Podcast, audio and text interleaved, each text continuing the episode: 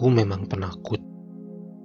Daya hayalku sering bergentayangan terlalu jauh, sehingga kejadian yang bagi orang lain dianggap biasa, bagiku sudah sangat menyeramkan dan selalu membayangi, terutama di malam hari saat aku hendak tidur. Ketika sendirian di dalam kamar dan mulai memejamkan mata, pikiran ini justru sedang mulai berjalan-jalan membayangkan yang tidak-tidak. Seolah di sampingku ada orang lain yang tiba-tiba menampakkan diri, mungkin muncul tidak untuk mengganggu, hanya sekedar menemani sambil mengembus-embus atau mengusap bulu kuduku. Aku seketika semakin merinding dan ketakutanku berganti Aku takut untuk membuka mata, menengok ke sebelah tempat aku berbaring. Masih tersisa satu tempat untuk berbaring. Bagaimana jika tiba-tiba ada anak kecil berusia sekitar tujuh tahun, gundul, bertaring panjang dan tajam, dan matanya beringas yang berbaring di situ? Secepat kilat mata ini terbuka Demikian juga tanganku berusaha meraih selimut lalu menyelubungkannya ke sekujur tubuhku dari ujung jari kaki sampai pucuk rambut. Hati ini sedikit lebih lega seolah mereka tidak dapat menjamahku lagi. Ketakutan yang berlebihan ini tentu ada sebabnya. Kejadiannya sudah lama sekali tapi terasa seperti baru kemarin saja Mbah Wiwi datang ke rumahku yang hanya berjarak 500 meter dari rumahnya. Siang itu, awalnya bapak, ibu, dan Mbah Wiwi tengah asik membicarakan tentang kuburan tetangga Mbah Wiwi yang setiap malam Jumat tampak menyala besar sehingga terlihat sampai ke kampung kami yang hanya dibatasi bulak sawah. Oh, itu tak. Jangan salah sangka. Bukan kuburan Dito yang menyala. Memang sumber cahaya menyala itu di sekitar kuburan Dito. Tetapi bukan dari kuburannya. Itu istri Dito yang sedang membakar kemenyan. Memang, istri Dito itu kalau kirim doa di kuburan suka dengan membakar kemenyan dalam jumlah banyak hingga nyala apinya tampak besar dan bisa terlihat sampai jauh. Penjelasan Mbah Wiwi ini mematahkan sangkaan kami bahwa kuburan Padito mengeluarkan api setiap malam Jumat. Istri si Dito itu sukanya juga datang ke kuburan setelah maghrib. Jadi nyala apinya bisa terlihat jelas dari jauh karena sekitarnya gelap. Tambah Mbah Wiwi. Oh, jadi begitu. Kami kira cahaya yang terlihat dari sini itu kuburan Padito yang menyala mengeluarkan api sebagai bagian dari siksa kubur, kata ibu. Hus, bu, jangan kencang-kencang. Baru 40 hari Padito meninggal, kata bapak mengingatkan ibu. Bode, kabarnya Padito itu punya pesugihan tuyul ya? Bapak mencoba mengorek informasi dari Mbah Wiwi. Hmm, ya memang benar. Tuyul peliharaan si Dito pernah datang kepadaku. Dia tidak betah ikut Dito dan istrinya. Waktu itu aku masih menyusui anak bungsuku yang kedelapan. Mbah Wiwi pun memulai ceritanya. Angannya melayang ke kejadian satu tahun yang lalu. Di sini saya akan menceritakan kembali semua yang dituturkan oleh Mbah Wiwi. Kurang lebih begini cerita lengkap Mbah Wiwi waktu itu. Malam itu aku terbangun. Bayiku menangis. Biasa, bayi umur 10 bulan kalau malam-malam bangun dan menangis. Kalau tidak ngompol ya lapar minta mimi. Setelah celananya yang aku raba tidak basah, aku tahu bahwa bayiku lapar. Dia segera mimi celega-celegu dan berhenti menangis. Karena menyusui bayiku yang berbaring di sebelah kiri, maka aku tidur miring ke kiri. Aneh, beberapa saat setelah aku mulai menyusui, aku merasa ada bocah kecil lain di sebelah kananku. Tadinya kupikir itu Diman, kakaknya si bayi. Dengan santai aku menoleh. Namun betapa kagetnya aku melihat anak kecil yang hanya bercawat tanpa pakaian ngusel-ngusel punggungku. Besarnya seumuran Diman memang. Tangannya meraba-raba sambil menyurup-nyurupkan kepala ke ketiakku. Mulutnya terbuka, lidahnya menjulur-julur seolah ingin ikut menyusup. Spontan aku tepiskan kepalanya dengan tanganku. Hus, tidak boleh ikut-ikutan menyusup. Kurang ajar. Anak siapa kamu malam-malam keluyuran sampai ke sini? Aku anak tetangga di sebelah barat sana. Aku mau ikut Mbok De di sini. Kata anak kecil itu. Aku segera bisa menebak makhluk apa ini. Tidak ada anak kecil yang malam-malam berani keluyuran sampai ke rumahku, melewati jalan-jalan gelap karena listrik belum masuk ke kampung. Anak ini tentu tuyul peliharaan tetanggaku. Kamu tidak boleh ikut aku.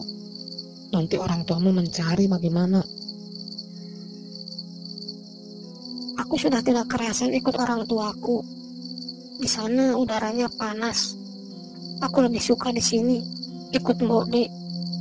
Di sini udaranya lebih sejuk. Kenapa di sana udaranya panas?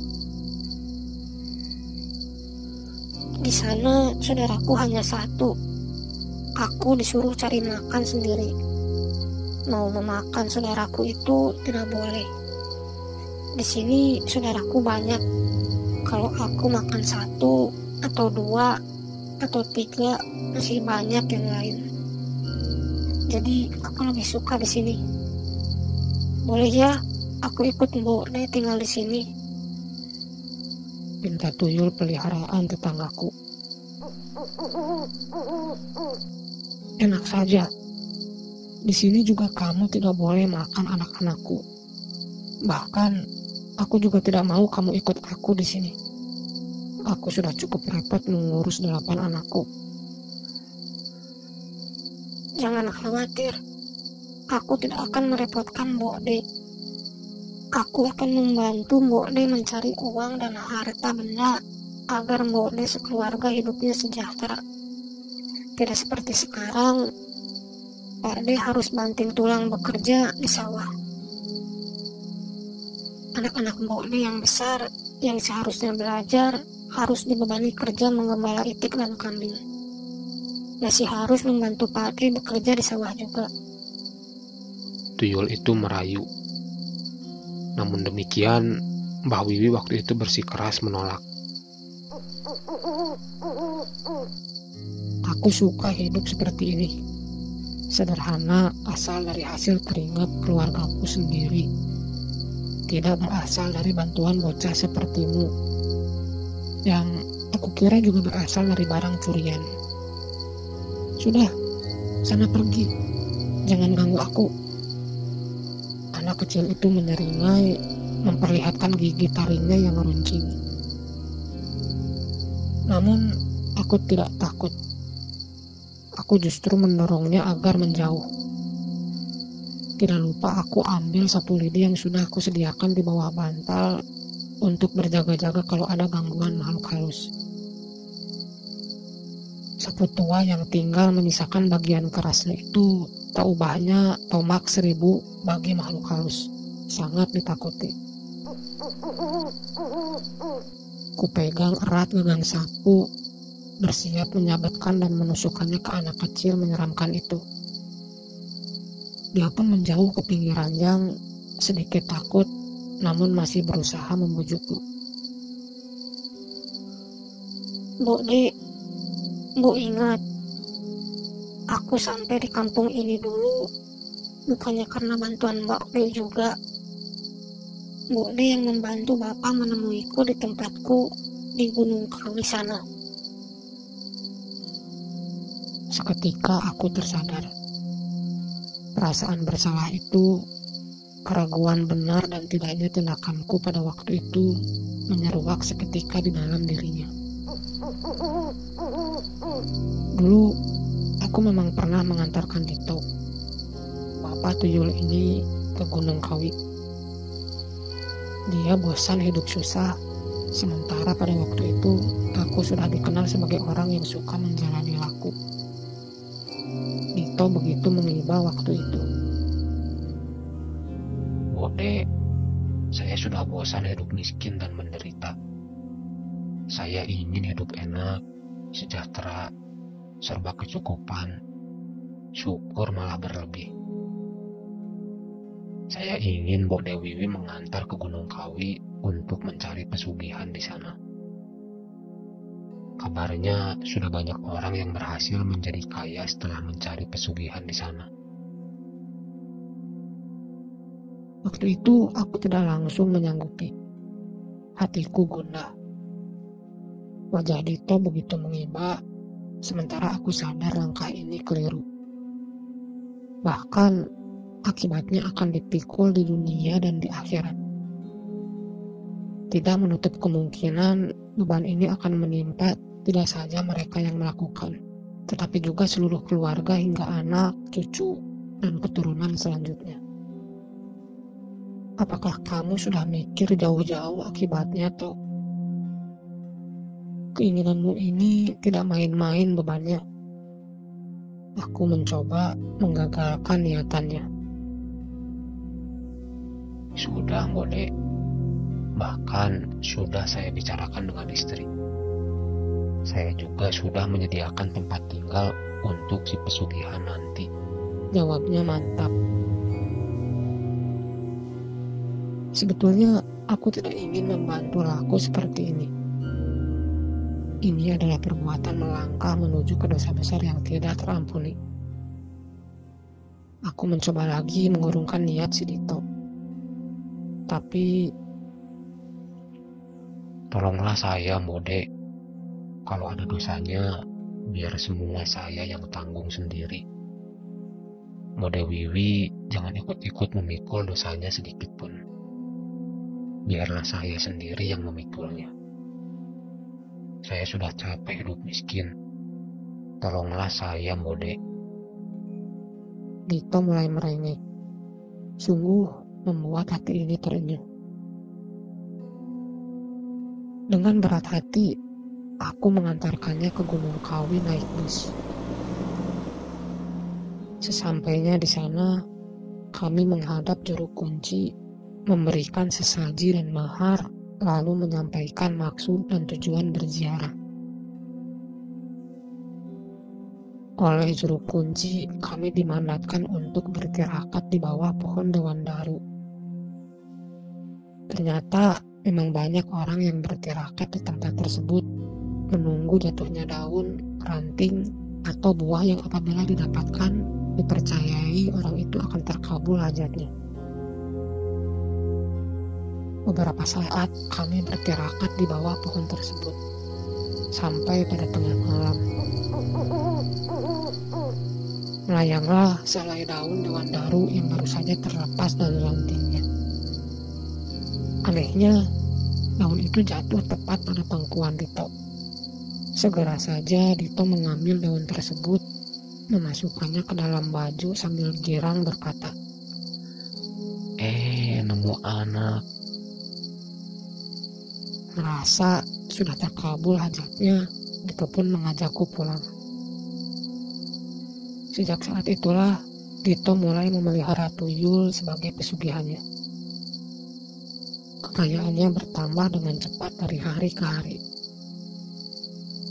Secepat kilat lamunan itu buyar.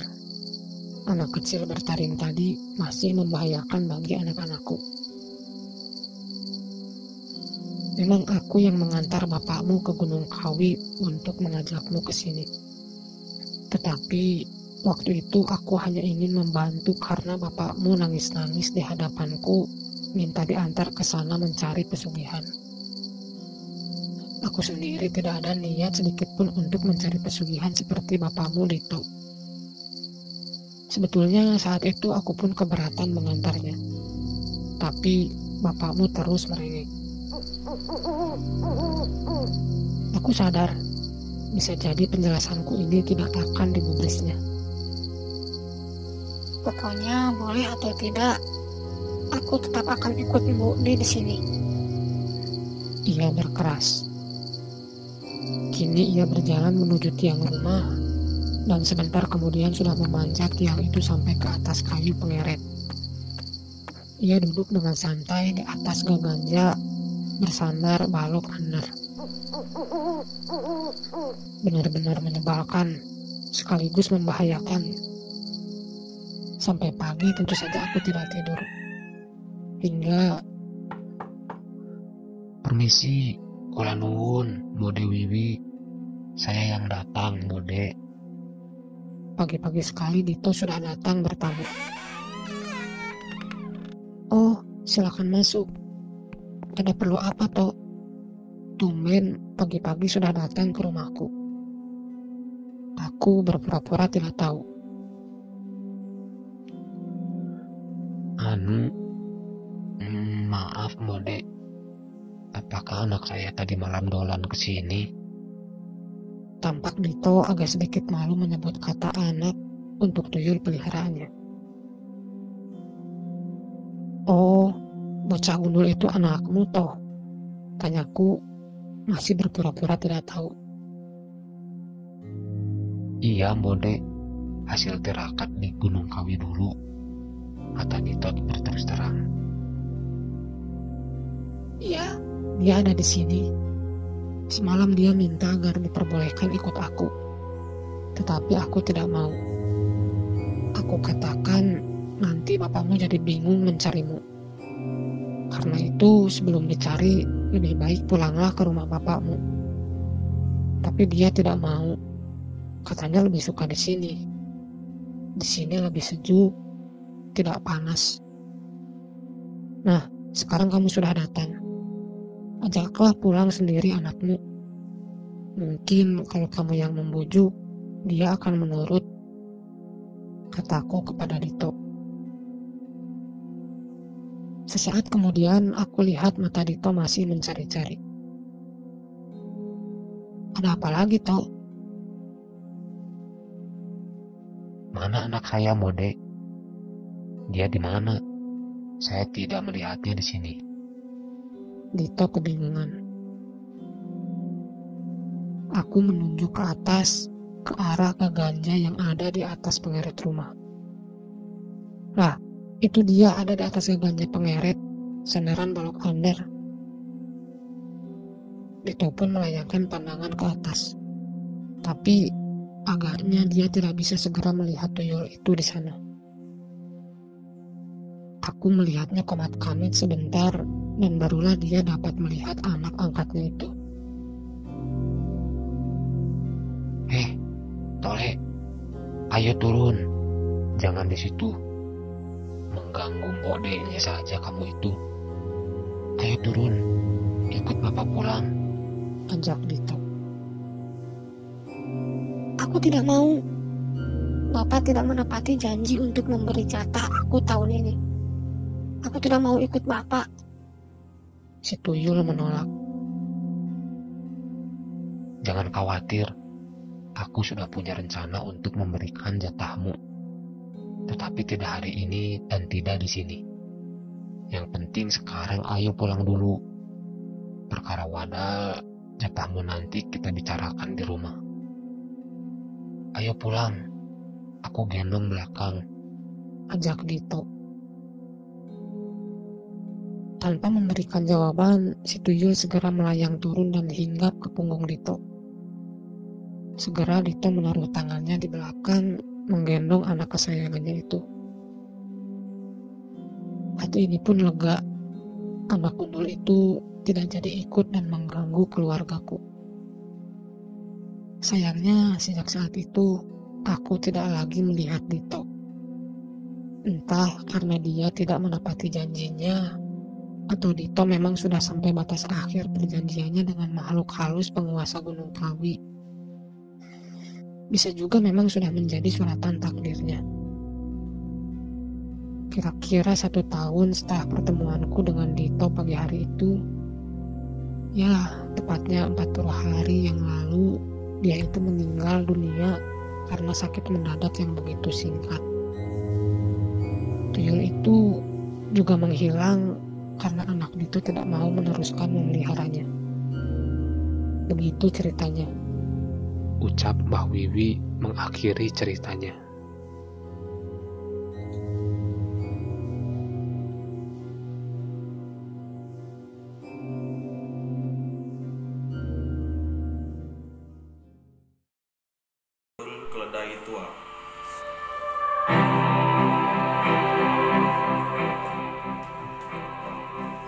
Kisah tentang seekor keledai tua yang mau dikubur hidup-hidup oleh pemiliknya. Suatu ketika, keledai tua itu jatuh ke dalam sumur dan sang pemilik ingin menyelamatkan si keledai tua ini. Namun, karena tak mampu mengatasi kesulitan, akhirnya sang pemilik berpikir untuk membiarkannya keledai tua itu mati dan menguburnya di sumur tersebut. Sang pemilik tersebut mengambil sekop cangkul, dan tanah di sekitar sumur untuk kemudian dia isikan ke dalamnya. Kedelai, keledai tua itu menangis, menjerit, dan meminta tolong. Wahai tuanku, tega niat engkau hendak menguburku. Dulu ketika aku masih sehat, engkau puji-puji aku. Ketika aku tua dan terjatuh, engkau tega membiarkanku dan mau mengubur aku kata keledai tua. Tanpa mendengarkan apa yang dikatakan oleh keledai tua, sang pemilik terus mengambil tanah dan sekop dan cangkul lalu mengisikannya ke dalam sumur. Keledai tua mulai menggerak-gerakkan tubuhnya saat rasa berat akibat tertimbun tanah. Si keledai terus menggerak-gerakkan tubuhnya sehingga tanah yang menimpanya jatuh ke bawah. Kemudian, si keledai mulai menyadari bahwa tanah yang menimpanya bisa ia jadikan pijakan ke atas. Sampai kemudian dia berhasil keluar dari sumur itu. Luar biasa sekali usaha si keledai. Kesimpulan yang dapat diambil dari cerita ini adalah kegagalan ibarat tanah yang terus menimpah badan Anda. Bergeraklah terus dan lepaskan beban-beban itu. Jangan hanya diam, karena kalau kamu diam, kamu akan mati terpendam oleh beban-beban kegagalan. Apa pun masalah yang terjadi pada masa lalu, Anda justru akan menjadi pijakan untuk naik level 1, level 2, level 3, dan seterusnya di masa yang akan datang. Masa lalu kita juga diliputi dengan berbagai kegagalan. Andai kita terjebak atau terjerat dengan kegagalan itu, kita mungkin tidak akan mencapai prestasi sekarang ini. Maka selama datang kegagalan, aku akan terus menggerakkan badanku, akan terus menjadikan engkau sebagai pijakan untuk meraih posisi yang lebih baik. Sekian dari saya, terima kasih.